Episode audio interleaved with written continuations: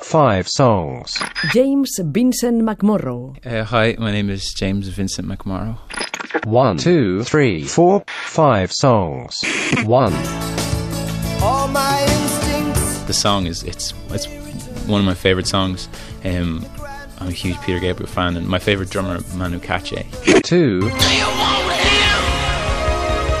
That album is, is it was an album that made me. There's maybe six or seven albums in my life that I listened to over and over again. three,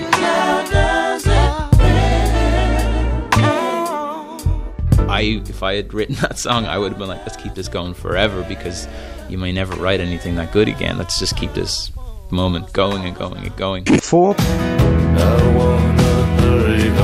It's a, just a beautiful lyric because it's about love and it's about what it means to like fall in love with someone. But like the, the brilliance of the national, the brilliance of Matt, the lead singer, and his lyric. five, Me, I'm super fly.